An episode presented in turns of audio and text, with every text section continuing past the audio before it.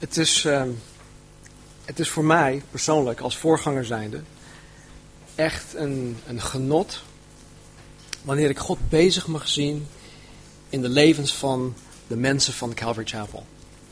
Het is natuurlijk een genot als je, als je sowieso God bezig ziet in, in, in welk mens dan ook. Maar in het bijzonder als ik God bezig zie in, in jullie levens. Dat is, dat is zo'n groot genot voor mij. Het is zo mooi. Ik heb de afgelopen week een aantal gesprekken gehad met, uh, met, met een aantal van ons. En uit die gesprekken bleek alweer dat mensen herkenden dat God een zeer bijzonder werk in hun leven was begonnen sinds ze naar Calvary Chapel zijn gekomen. Er werd letterlijk gezegd door sommigen dat sinds ze naar Calvary Chapel gekomen waren, heel veel in hun leven en in hun relatie met God is veranderd. Dingen zijn verbeterd. Hun relatie is beter geworden. Er is een diepgang gekomen. Er, uh, ze zijn geestelijk gegroeid. Ze zijn er veel meer bewust van, veel meer mee bezig. En weet je, dat, dat is niet niets. We moeten dat niet onderschatten. Want het is bijzonder. Het is heel bijzonder. Vooral anno 2009. En dit is voor mij persoonlijk, en ik geloof ook voor ons als gemeente, een gigantische bevestiging dat God met ons en onder ons bezig is. En niet alleen bezig, maar hij is goed bezig. God is echt goed bezig met ons. Ik wil je daarin ook echt bemoedigen. Het is een vrucht van onze bediening en daar mogen we met z'n allen heel blij over zijn. We mogen daar dankbaar voor zijn. Maar hoe blij we hierover ook mogen zijn, laten we alsjeblieft niet uit het oog verliezen dat het puur uit Gods genade is. Het is in, door en uit Gods genade dat, dit, dat ik dit überhaupt mag vertellen. En laat ons alsjeblieft niet hoogmoedig en trots worden. door te denken dat we beter zijn dan anderen. En natuurlijk, natuurlijk mogen we trots zijn op de gemeente. Ik ben hartstikke trots op, op wat God hier aan het doen is. Maar niet trots in die zin dat we denken van, oh, joh, wij hebben het. Wij zijn de gemeente. Wij zijn hartstikke gaaf. Wij hebben het voor elkaar. Nee, gewoon, Heer, dank u wel. Trots, nederig, maar toch trots. Ik ben er echt van overtuigd dat de Heilige Geest het woord van God, de Bijbel, gebruikt heeft om ons de afgelopen 2,5, bijna drie jaar te doen groeien. En misschien hebben we het zelf niet eens door. Maar de twee jaar dat we in het boek Handeling zaten en nu het zevende hoofdstuk van 1 Korinthe bijna af hebben, heeft het woord van God ons geestelijk gevoed.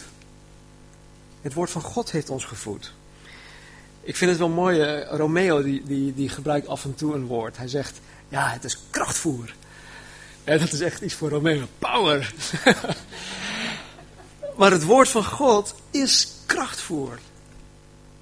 Het maakt ons geestelijk gezond. Het maakt ons als mens gezond. Het maakt ons ziel gezond. Ons denken, ons, ons, onze emoties. Ons heel wezen wordt gezond gemaakt door het tot ons nemen van deze krachtvoer.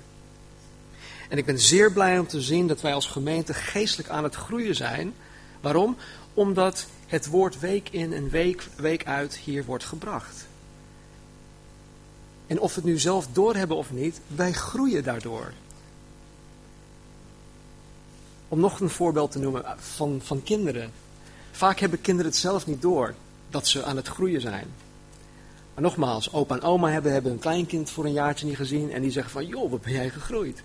Nou, het is eigenlijk hetzelfde met, met, met onze geestelijke groei. Soms hebben we het zelfs, zelfs niet door. Maar toch groeien we. Er gebeurt iets in het geestelijk gebied wat, wat misschien voor ons onzichtbaar is, maar wij groeien, we, we gaan vooruit. En met die gedachte gaan we vanmorgen dus ook verder met onze studie in, in 1 Korinthe. Um, 1 Korinthe hoofdstuk 7. Ik dacht dat ik uh, klaar was met 1 Korinthe hoofdstuk 7, maar Gerry die uh, herinnerde mij eraan vorige week. Ze zei, nee, uh, je had nog vier of vijf versen over wat je niet hebt behandeld. Dus, oh, Gerry is waarschijnlijk, waarschijnlijk in de crash. Nee? Oké. Nou, twee weken geleden zijn we geëindigd bij 1 Korinthe hoofdstuk 7 vers 35. Daar, uh, daar ben ik mee gestopt. Ja, dus zoals ik zei, we hebben het niet helemaal af kunnen maken. Maar vanmorgen, ik wilde eigenlijk al meteen hoofdstuk 8 ingaan. Maar voordat we met hoofdstuk 8 gaan beginnen, wil ik hem nog even een paar minuten maar uh, besteden aan de laatste versen van hoofdstuk 7. Dus 1 Korinthe 7 en dan pak ik het op bij vers 36. Paulus zegt maar als iemand meent dat hij ongepast handelt ten opzichte van zijn dochter die nog maagd is, als de jaren van haar jeugd voorbij zijn en het zo moet wezen, laat hij dan doen wat hij wil. Hij zondigt niet, laten ze trouwen. Maar wie in zijn hart vastbesloten is en er niet toe genoodzaakt wordt, maar macht heeft over zijn eigen wil en, zijn hart, en in zijn hart besloten heeft dat hij zijn eigen dochter die nog maagd is rein zal bewaren, die handelt ook goed. Dus ook wie ten huwelijk geeft, handelt goed, maar wie niet ten huwelijk geeft, handelt beter. Een vrouw is door de wet gebonden zolang haar man leeft. Als haar man echter ontslapen is, is zij vrij om te trouwen met wie zij wil, alleen in de Here. Maar ze is gelukkiger als zij zo blijft, naar mijn inzicht. En ook ik denk dat ik de geest van God heb. We hebben in we hebben in de voorafgaande versen, dus tot, tot en met vers 35, gezien dat het nog niet zo'n gek idee is uh, om als alleenstaand persoon, om als een vrijgezel door het leven heen te gaan. Dat is nog niet zo'n gek idee. Elisa, kijk me aan. Leuk. nee, om meerdere hoor. Sorry. En weet je, Paulus geeft zijn redenen daarvoor. We hebben daar twee weken lang hebben, we daar tijd aan besteed. Waarom het nog niet zo'n gek idee is. En in mijn mening is Paulus' zaak waterdicht. Echt waar. En in vers 36 gaat hij verder met die gedachte. Alleen past hij het toe op een andere situatie. Hij zegt in vers 36, maar als iemand meent dat hij ongepast handelt ten opzichte van zijn dochter die nog maagd is, als de jaren van haar jeugd voorbij zijn en het zo moet wezen, laat hij doen wat hij wil. Hij zondigt niet, laat ze trouwen. In, in, in, die, in een tijd van Paulus, en dat, dat gebeurt trouwens vandaag de dag nog steeds in, in bepaalde landen, maar in een tijd waar jongens en meisjes door hun ouders uitgehuwelijkt werden, zegt Paulus dit. Hij zegt tegen de vaders dat het niet nodig is dat hun dochter per se uh, celibatair blijft. Hè? Dus, dus ongehuwd, uh, nooit met een man. Maar dat het goed is, hij zegt, Paulus, het, het is goed als je je dochter laat trouwen, Paulus. Daar is niks mis mee. Het is prima, het is goed. Vers 37. Maar wie in zijn hart vastbesloten is en er niet toe genoodzaakt wordt, maar macht heeft over zijn eigen wil en in zijn hart besloten heeft dat hij zijn eigen dochter die nog maagd is rein zal bewaren, die handelt ook goed. Dus waar Paulus in vers 36 zegt, het is prima om je dochter uit te huwelijken, zegt hij hier in vers 37 dat als je vrede hebt in je hart om je dochter rein te bewaren, dus niet te laten trouwen en mits zij daar ook mee, uh, mee in toestemt, hè, als zij er ook mee, mee, eh, mee ingaat, dan is het prima om je dochter niet te laten trouwen. En, en je handelt daarin ook goed. Dus dan zegt hij in vers 38, 38, ook wie ten huwelijk geeft, handelt goed, maar wie niet ten huwelijk geeft, handelt beter. Dus waar het uiteindelijk op neerkomt, de bottom line is dit. Het is voor de vrijgezel geen kwestie van van goed of kwaad. Het is een kwestie van goed of beter. Het is goed als je trouwt, maar in die omstandigheden, en voor de redenen die Paulus gaf in hoofdstuk 7, is het beter als je niet trouwt. Mits je de gave hebt van het alleenstaand zijn. Nou, vers 39. Een vrouw is door de wet gebonden zolang haar man leeft. Als haar man echter ontslapen is, dus als hij sterft, is ze vrij om te trouwen met wie ze wil. Alleen in de Heer. Nou, dit spreekt van de duur van het huwelijk. Hoe lang horen mensen getrouwd, getrouwd te zijn? Tot de dood je scheidt. Dat is heel lang voor sommigen. En Marnie en ik, die, uh, die hebben af, nee, gisteren hebben gevierd. Uh, wij vieren dit dan. 28 jaar hebben we onze eerste, sinds onze eerste date, zeg maar. Ik was 17, Marnie was 15. En we hadden onze eerste date Op 29 augustus 1981. Nou, dat is 28 jaar geleden. Eind september, 29 september, zijn we 25 jaar getrouwd. Het, het is heel lang. Het, het, voelt niet als heel lang, maar stel dat als de Heer nog niet terugkomt en hij geeft ons nog 28 jaar, dan zijn we gewoon 56 jaar samen. Dat is lang hoor. Maar het huwelijk is voor altijd. Voor altijd hier op aarde. Het is tot de dood je scheidt. Dus als een van de partners komt te overlijden, dan is de ander vrij om te hertrouwen. Maar alleen met een andere wedergeboren christen, zegt Paulus. En dit geldt trouwens voor alle christenen die gaan trouwen. En dat God wil dat zij met een christen trouwen, zodat Jezus Christus centraal staat in hun leven. Amen. Weet je, het huwelijk in Christus is moeilijk genoeg. En als je dan een ongelijk juk, span, oh, span, ja, whatever. Ik weet niet hoe je dat zegt in het Nederlands. Uh, maar als je een ongelijk span aangaat, dus een gelovige met ongelovige man, je weet niet wat voor problemen je op je nek haalt. Ik denk dat er genoeg voorbeelden in je eigen leven zijn van dat soort relaties. En dat wil je absoluut niet. Echt niet. Dus de weduwe is vrij om te hertrouwen met een christen. Maar, zegt Paulus in vers 40, ze is gelukkiger als ze zo blijft. Dus zo, dus als weduwe. Vrij, vrijgezel, alleen staat. Naar mijn inzicht, zegt Paulus. En ook ik denk dat ik de geest van God heb. Hier benadrukt Paulus nog een keer met het oog op de vervolging en de ellende, de moeilijkheden die zich destijds voordeden, dat het vrijgezel blijven het allerbeste is. En dan zegt hij dat hij denkt ook de geest van God te hebben. Dat vind ik een beetje raar. Waarom plakt hij dat daar achteraan? Nou, de, de Corinthiërs dachten dat zij geestelijk heel wat waren. Eh, ze hebben de gave van dit en de gave van dat en, en iedereen doet dit. En, nou, ze waren super geestelijk in hun eigen opinie, hun eigen mening.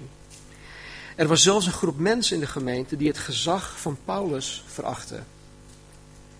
En die minachte Paulus. Die dacht van, ja, Paulus is geen echte apostel. Hij behoort niet tot de, tot de eerste twaalf. Dus in, de, in het komende hoofdstuk, in hoofdstuk 9, probeert Paulus zijn, zijn apostelschap echt uh, ja, niet te verdedigen, maar hij, hij, hij heeft het daar wel over. Omdat zij hem, hun, hem minachten.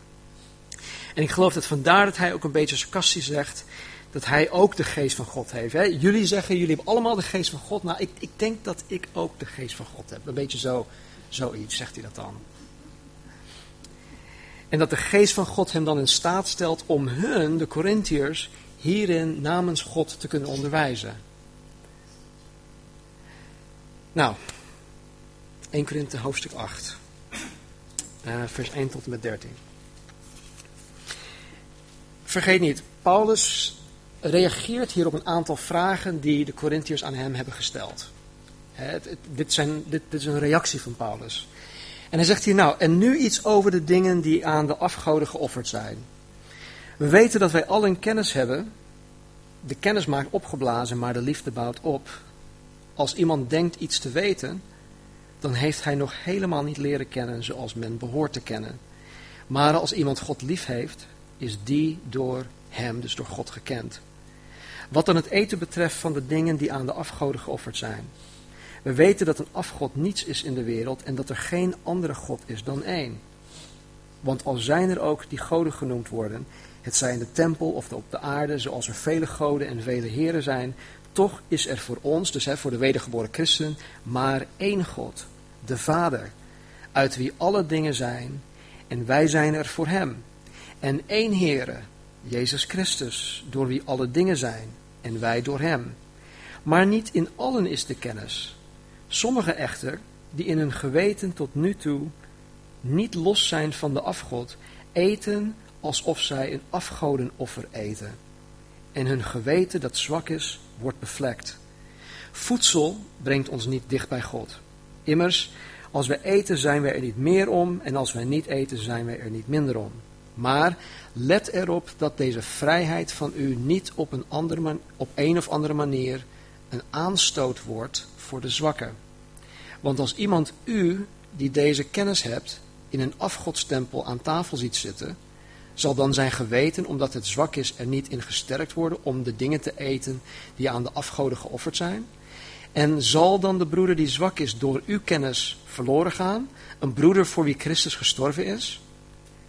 Door echter zo tegen de broeders te zondigen en hun geweten, dat zwak is, te kwetsen, zondigt u tegen Christus. Daarom, als het voedsel een aanstoot wordt voor mijn broeder, dan zal ik in eeuwigheid geen vlees meer eten, opdat ik mijn broeder geen aanleiding geef tot vallen.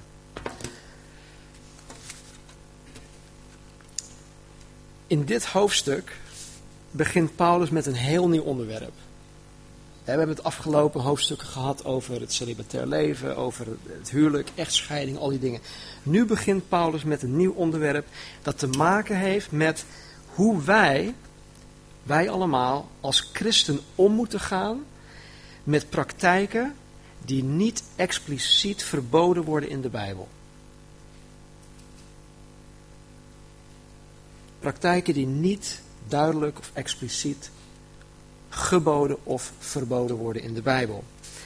En de vraag is dan, hoe ver reikt de vrijheid van de christen, hoe ver reikt die vrijheid van de christen, of hoe vrij ben ik als christen om mee te gaan in praktijken die niet duidelijk worden verboden in de Bijbel? Al heel lang, eeuwenlang, worden discussies gevoerd over dit onderwerp. Er wordt gediscussieerd over dingen zoals roken. Sigaret roken, sigaar, pijp. Er staat nergens in de Bijbel, gij zult niet roken. Dus als ik daarvan uitga, heb ik een bepaalde vrijheid om te mogen roken. Misschien zeg je van, oh joh, wat zeg je nou? En, en sommigen van jullie hebben er helemaal geen moeite mee. Maar stel je voor dat ik even een, een, een sigaar pak en ik zit hier zo van... Ah jongens, en de, hele zaal is blauw van de, van de rook. Dat is toch raar? En ik, ik, ik zou jullie daardoor uh. Ik, ik zou een aanstoot zijn. Dus alhoewel ik in die zin vrij ben om dat te doen, doe ik dat absoluut niet. Omdat ik het niet wil. Ik weet dat ik, dat ik jullie daarmee uh, ja, kwets of uh, dat jullie, dat jullie uh, heel, heel anders gaan denken. Joh, als hij een sigaar mag roken, misschien kan ik wel naar de koffieshop gaan. Uh, ik noem maar wat. Dus dat soort dingen. Er wordt gediscussieerd over het drinken van alcoholische dranken, dansen, het dragen van make-up, meedoen aan de loterij of het beluisteren van rockmuziek. Al dat soort dingen. Ik geloof dat een van de redenen waarom hierover zo vaak en zoveel wordt gediscussieerd, is omdat de Bijbel ons deze dingen niet expliciet verbiedt. En het is niet zo dat deze zaken onbelangrijk zijn. Maar wij als christenen kunnen mensen niet met, met Bijbel in hand deze dingen verbieden, zoals wij andere dingen mensen wel kunnen verbieden. Dingen zoals diefstal of moord of hoererij of hebzucht, egoïsme enzovoort enzovoort. Want de Bijbel verbiedt deze dingen wel. En de Bijbel verbiedt ze omdat, eh, omdat ze zondig zijn. Tegelijkertijd gebiedt de Bijbel ons om goede dingen te doen. En om de Heere lief te hebben met heel ons hart, ons verstand, ons kracht, ons ziel. De Bijbel gebiedt ons om Hem en Hem alleen te aanbidden. Het gebiedt ons om elkaar lief te hebben, zoals God ons lief heeft. Elkaar te dienen, te, eh, om getuige te zijn en, en ga zo maar door. De dingen die duidelijk verboden of geboden worden in de Bijbel, die zijn heel zwart-wit. Die zijn heel zwart-wit. En voor de meeste christenen zijn deze dingen goed te kunnen onderscheiden. want het is, het is of, of het is slecht of het is goed. En ik denk dat we allemaal wel zo ver zijn gekomen in ons, in ons geestelijk leven dat wij onder, kunnen onderscheiden tussen slecht, kwaad en goed. Maar vele praktijken, vele gedragingen worden in de Bijbel nog geboden of verboden. En deze dingen zijn dus niet zwart-wit. Ze zijn niet duidelijk uh, of makkelijk te kunnen onderscheiden. Waarom? Omdat het in een grijs gebied valt. Dus wanneer je jezelf in dat grijs gebied bevindt, wat moet je doen? Het is toegestaan. Ja, of is het niet toegestaan? Ik weet het. Nou, ik, ik, ik zou dat niet doen. En daarin speelt de Heilige Geest een grote rol, want Hij werkt door je geweten, door je hart heen, wat je dus wel en niet mag, wat voor jou wel en niet goed is. Daar kom ik over twee weken op terug. Aanstaande zondag hebben we, uh, vieren we Heilig Avondmaal. Dan ga ik weer uh, over uh, de, de ik ben verklaringen van Jezus. Hebben vorige keer, vorige maand, hebben, nee, begin deze maand hebben we een, een voorproefje gekregen van ik ben het brood des levens. Daar ga ik verder op, ver, mee verder. Dus we pakken dit weer op over twee weken. Maar ik wil wel dat we, dat we hier even, even op blijven kouwen. Dus vandaag is eigenlijk eh, een soort, soort van introductie op dit onderwerp. En over twee weken gaan we er echt, echt dieper op in. Dus er zijn dingen die in het grijs gebied vallen. En elk tijdperk en plaats heeft zo met zijn eigen grijs gebied te maken. En dat verschilt. Dat verschilt van plaats tot plaats. Het verschilt ook van tijd tot tijd. Wat in dat grijs gebied valt. Kunnen jullie je nog herinneren toen um, we in Handelingen 15 zaten? Een tijd geleden, weet ik. Maar in Handelingen 15 um, stuurde de kerkraad in Jeruzalem een brief naar de gemeente in Antiochië. De gemeente in Jeruzalem, dat was een soort hoofdkwartier. Dat was het, uh, het, het, de thuisgemeente van, van de, Joodse gemeente, zeg maar. En de gemeente in Antiochië was eigenlijk het, thuisfront of uh, de thuisbasis voor de heidense, de niet-Joodse gemeente. En in de kerk in Antiochië werden een aantal uh, Judaïsten lid van die kerk. Uh, deze Judaïsten waren Joodse christenen die zich nog vastklampten aan de wet van Mozes. Aan de voedselvoorschriften, aan, aan besnijdenis en al dat soort zaken. En zij profileerden zich in de kerk en probeerden een aantal uh, regels en voorschriften uit de wet van Mozes bij deze heidense christenen op te leggen. En ze waren wettisch bezig. En één zo'n regel was dat de mannen zich moesten laten besnijden. Dan stel je voor, er komt een, een Messiaanse Jood uit een uh, Messiaanse gemeente in Amsterdam. Ik nodig hem uit om te spreken. En hij spreekt en dan zegt hij tegen alle mannen: Mannen, jullie moeten je laten besnijden. Nou, het eerste wat ik ga zeggen is: van nee, hallo, dat gaat hier niet gebeuren. En dat was eigenlijk ook de reactie van Paulus en Barnabas. Zij gingen daar dwars tegen in.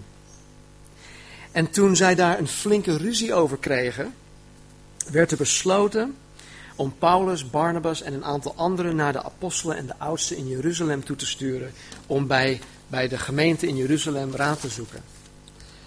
En toen Paulus en Barnabas daar aankwamen in Jeruzalem en hun vertelden over deze dingen, ontstond ook in Jeruzalem een grote ruzie. En nadat Petrus uiteindelijk de mensen stil kreeg, hij zei: Jongen, dit, dit is allemaal waar. Laten we even stil zijn. Toen mocht uh, Paulus en Barnabas hun verhaal afmaken. Nou, uiteindelijk, om heel, heel lang verhaal kort te maken, uiteindelijk zei Jacobus, de voorganger van de kerk in Jeruzalem, dit. In Handelingen 15, vers 19 en 20. Jacobus zei dit. Ik ben van oordeel dat men het hun, die zich uit de heidenen tot God bekeren, niet lastig moet maken. Maar aan hen moet schrijven dat zij zich dienen te onthouden van de dingen die door de afgoden besmet zijn. Van hoererij, van het verstikte en van bloed. Alle mensen, zowel in Antiochië als in, uh, in Jeruzalem, die daar ruzie maakten, hadden hun standpunten, behalve Paulus en Barnabas dan denk ik, hadden hun standpunten gebaseerd op hun eigen meningen op hun eigen opvattingen van, van Gods woord, op hun eigen opvatting van wie Jezus Christus is, wat hij gedaan heeft, wat, wat Jezus Christus betekent. En ze hadden hun standpunten gebaseerd op eigen belang, En ik denk dat het veelal wegens onvolwassenheid was. Onvolwassenheid, onwetendheid. En dat ze daardoor zo heftig met elkaar botsten hierover. Maar Jacobus, als leider van de gemeente, gaf hier, geleid door de Heilige Geest, het beslissend oordeel. En met zijn oordeel zegt Jacobus eigenlijk dat Petrus, Paulus en Barnabas gelijk hebben en dat de Judaïsten ernaast zitten. En het oordeel was dit. Dat zij het de gelovige heidenen niet lastig moesten maken. En om hun met rust te laten. Maar dat zij hun wel een aantal gedragsregels mee moesten geven. Jacobus noemt hier in dit stukje vier, vier hele specifieke dingen waarvan de heidense christenen zich horen te onthouden. Het eerste is dingen die door de afgoden besmet zijn. Het gaat hier om het eten van vlees dat in de heidense tempels geofferd werd aan de afgoden. Nou, er waren heel veel afgoden in de heidense wereld. Nou, in de praktijk, met zo'n, bij zo'n offer, werd slechts een heel klein gedeelte van het offer ehm, aan, aan, aan, de afgod geofferd. En de rest, een, een, een, gedeelte ging naar de, de priester. En ook een gedeelte ging mee met degene die het offer bracht. Maar de priester die had, ja, als een priester, ik noem maar wat, tien keer op een dag iets had geofferd. Nou, dan had hij wel bergen vlees over. En dat kon hij met zijn gezin niet op. Dus wat deden ze? Ze brachten dat naar de slager, of ze brachten dat naar de markt toe, of ze brachten dat naar het tempelrestaurant waar ze dat konden eten of verkopen. Nou, de Joden, voor de Joden betekent het eten van dit vlees hetzelfde als gemeenschap hebben met die afgod. Zoals wij gemeenschap hebben met Jezus Christus als wij het heilig avondmaal nuttigen. Zo dachten de Joden van, joh, als ik dit vlees eet dat, dat geofferd is aan een afgod, dan word ik eigenlijk één met die afgod dan raak ik bezoedeld. Dat wil ik absoluut niet. Dus dat was één. Het tweede was hoererij. Nou, de Bijbel leert ons dat alle christenen zich horen te onthouden van alle vormen van seks buiten het huwelijk. Dat betekent hoererij. Pornea, dat is het uh, Grieks woord. Nou, dit woord, uh, ja, dit, daar hebben we het al, al, al heel uitgebreid over gehad in hoofdstuk 6 en 7. Maar in dit geval, in dit specifiek geval, gaat het niet om, om alle vormen van seks buiten het huwelijk, maar het gaat specifiek om huwelijken, ofwel seks binnen het huwelijk met bloedverwanten. Voor heidenen was dit de normaalste zaak van de wereld. Het was normaal om met een, een nicht of met een neef te trouwen. Maar voor de Jood van die tijd was dit een gruweldaad. Het was gewoon not done. En dan heeft hij het over het verstikte en dan heeft hij het over bloed.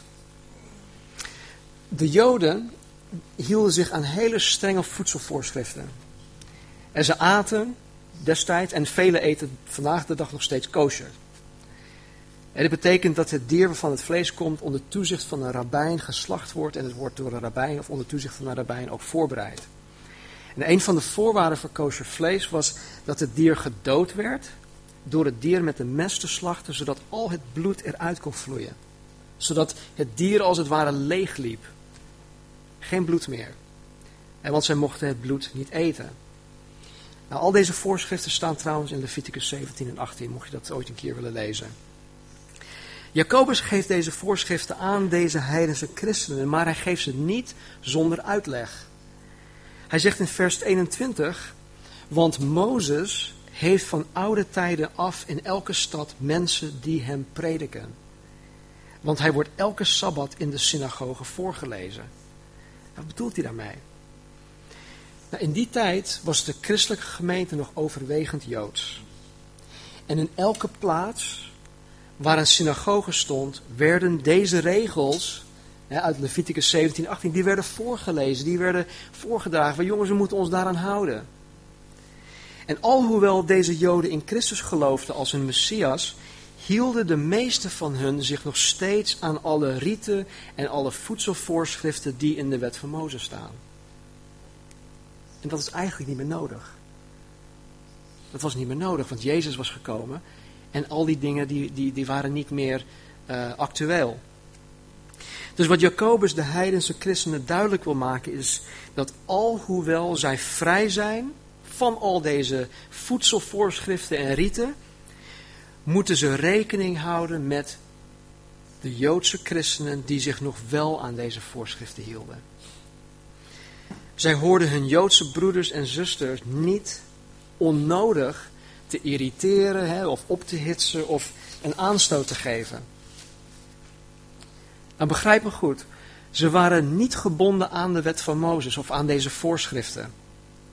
Maar ze waren gebonden aan de wet van liefde. En alhoewel zij het recht hadden om geofferd vlees te eten, ze mochten dat. En dat zullen we zo meteen ook in, in, in, uh, in 1 Korinthe hoofdstuk 8 zien. Ze mochten met bloedverwanten trouwen. Vlees eten die niet volgens de voedselvoorschriften eh, geslacht en voorbereid werd.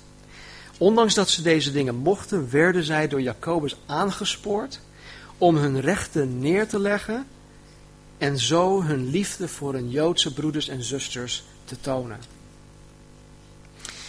Dus ook ik, ook wij, hoeven ons niet per se te houden aan wat Jacobus ons of hier voorschrijft. Deze vier gedragsregels zijn eigenlijk niet, uh, uiteindelijk niet de, de, de tegen, het Nieuw Testament is tegenhanger van de wet van Mozes. Het is niet zo van, ja kijk, het staat in het Oud Testament en wij horen daar ons, uh, ons daaraan te houden in het Nieuw Testament. Nee, ik ben vrij om vlees te eten die aan afgoden geofferd is. Daar ben ik helemaal vrij in. Ik ben vrij om met een nicht of achternicht te trouwen, mits de lokale wetgeving dit toestaat. Ik ben vrij om vlees te eten van een dier die niet volgens de Joodse voedselvoorschriften geslacht en voorbereid is. Dat mag allemaal. En over dit onderwerp zegt Paulus dit in 1 Korinthe 10:23. Hij zegt: Alle dingen zijn mij geoorloofd, maar niet alle dingen zijn nuttig. Alle dingen zijn mij geoorloofd, maar niet alle dingen bouwen op. Met andere woorden, niet alles dat ik in mijn vrijheid mag doen, is nuttig en bevorderlijk voor mijn broeders en zusters in Christus. Dus alhoewel ik hier, althans ik geloof, een Havana mag roken, ik denk niet dat dat voor jullie bevorderlijk is. Ik denk niet dat het jullie opbouwt. Ik zou het trouwens nooit doen hoor. Ik heb, ik heb een hekel aan sigaren. Maar even om een voorbeeld te noemen. Het zou jullie niet, uh, zou jullie ten goede komen. Niet alles dat ik in mijn vrijheid mag doen, mag doen, zal bijdragen aan de algehele opbouw van de gemeente. Mijn vrijheid in Christus mag nooit aanstoot geven. Nooit. Het mag nooit een ander belemmeren om dichter tot Jezus te komen. En het mag nooit iemand in de weg staan om überhaupt tot geloof in Jezus te komen. Dus hoe zit het dan met de praktijken in dat grijs gebied waar ik het zo even over had? Dingen als roken, drinken, dansen, ehm, make-up dragen, ik noem maar wat. Rockmuziek. In hoeverre ben ik als christen vrij om deze dingen te doen?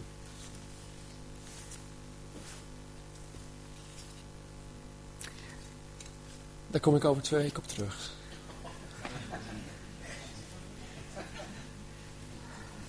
Ja, anders, anders zitten we hier nog een uur. In hoeverre ben ik als christen vrij? Laten we bidden. Heer, ik dank u voor de vrijheid die ik, die wij hebben, Heer, in Jezus Christus.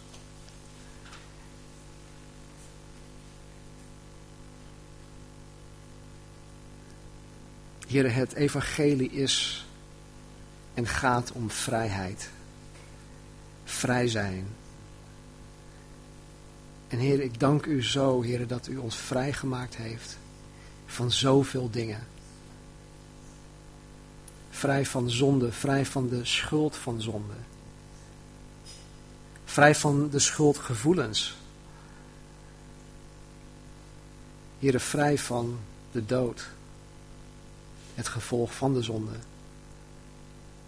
En Heer, we zijn van nog zoveel meer dingen vrijgemaakt en vrijgekocht door het kostbaar bloed van Jezus Christus. En Heer, ik dank u, dank u dat u, dat u ons vrijgemaakt heeft. Heer, we zijn al vrij. En Heer, ik bid dat u en ieder van ons helpt om te beseffen dat we inderdaad al vrij zijn. En dat we ook in die vrijheid leren te gaan wandelen, Heer. Want Heer, we hebben het zo nodig. Heer, het is, er is, ja, het, het, ik vind het vreselijk als ik uh, christenen tegenkom met, met geestelijke capsones. Heren die nog zo gebonden zijn aan, aan dingen, aan regels en wetten, Heer. Want ze zijn zelf zo beperkt en ze beperken anderen ook. Heer, help ons om, om niet zo te zijn. Heer, waar wij uh, nog vrijgemaakt moeten worden, Vader. Openbaar deze dingen aan ons. Open onze ogen, onze harten daarvoor. Ik dank u, Heer, voor uw woord. Die ons vanmorgen ook vrijgemaakt heeft, Heer, over, misschien over misvattingen over dit schriftgedeelte. Ik dank u dat uw woord ons opbouwt, terechtwijst.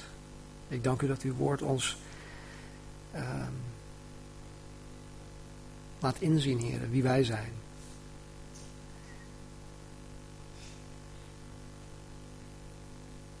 Onze identiteit in Christus, Heer, is zo belangrijk. En Heer, help ons vanmorgen niet zoals Petrus te zeggen, o Heer, ga weg van mij, want ik ben een zondig mens.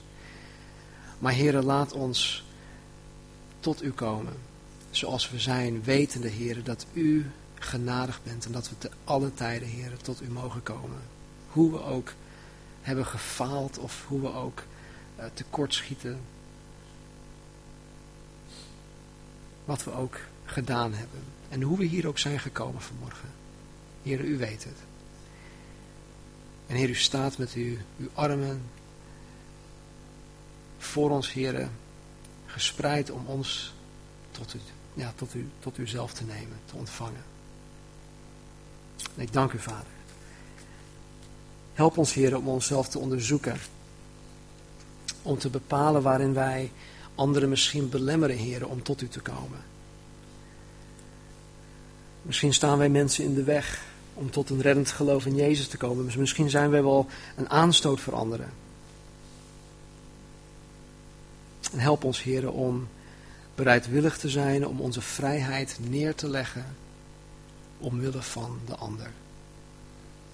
Zoals Paulus ook zei in 1 Korinthe 8 vers 13,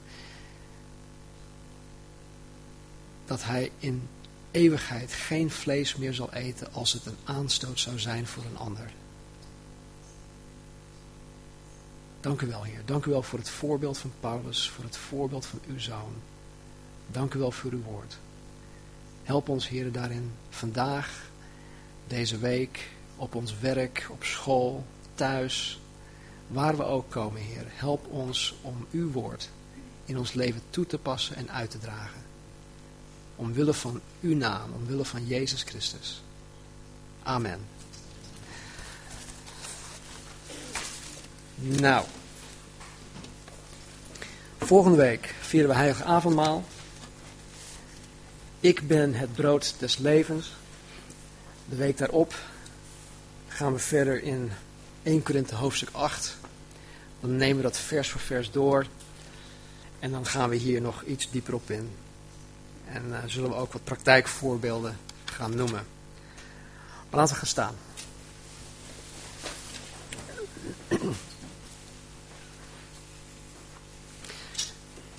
Mogen de Heeren jullie echt op het hart leggen dat jullie vrij zijn. Vrijgemaakt en vrijgekocht door zijn bloed. En dat jullie in die vrijheid wandelen, maar niet zonder een kanttekening dat dat je niet vrij bent, of in zoverre vrij bent, dat je in je vrijheid een ander tot aanstoot bent, of dat je hem belemmert in zijn christelijke groei, of dat je anderen belemmert om tot Christus te komen.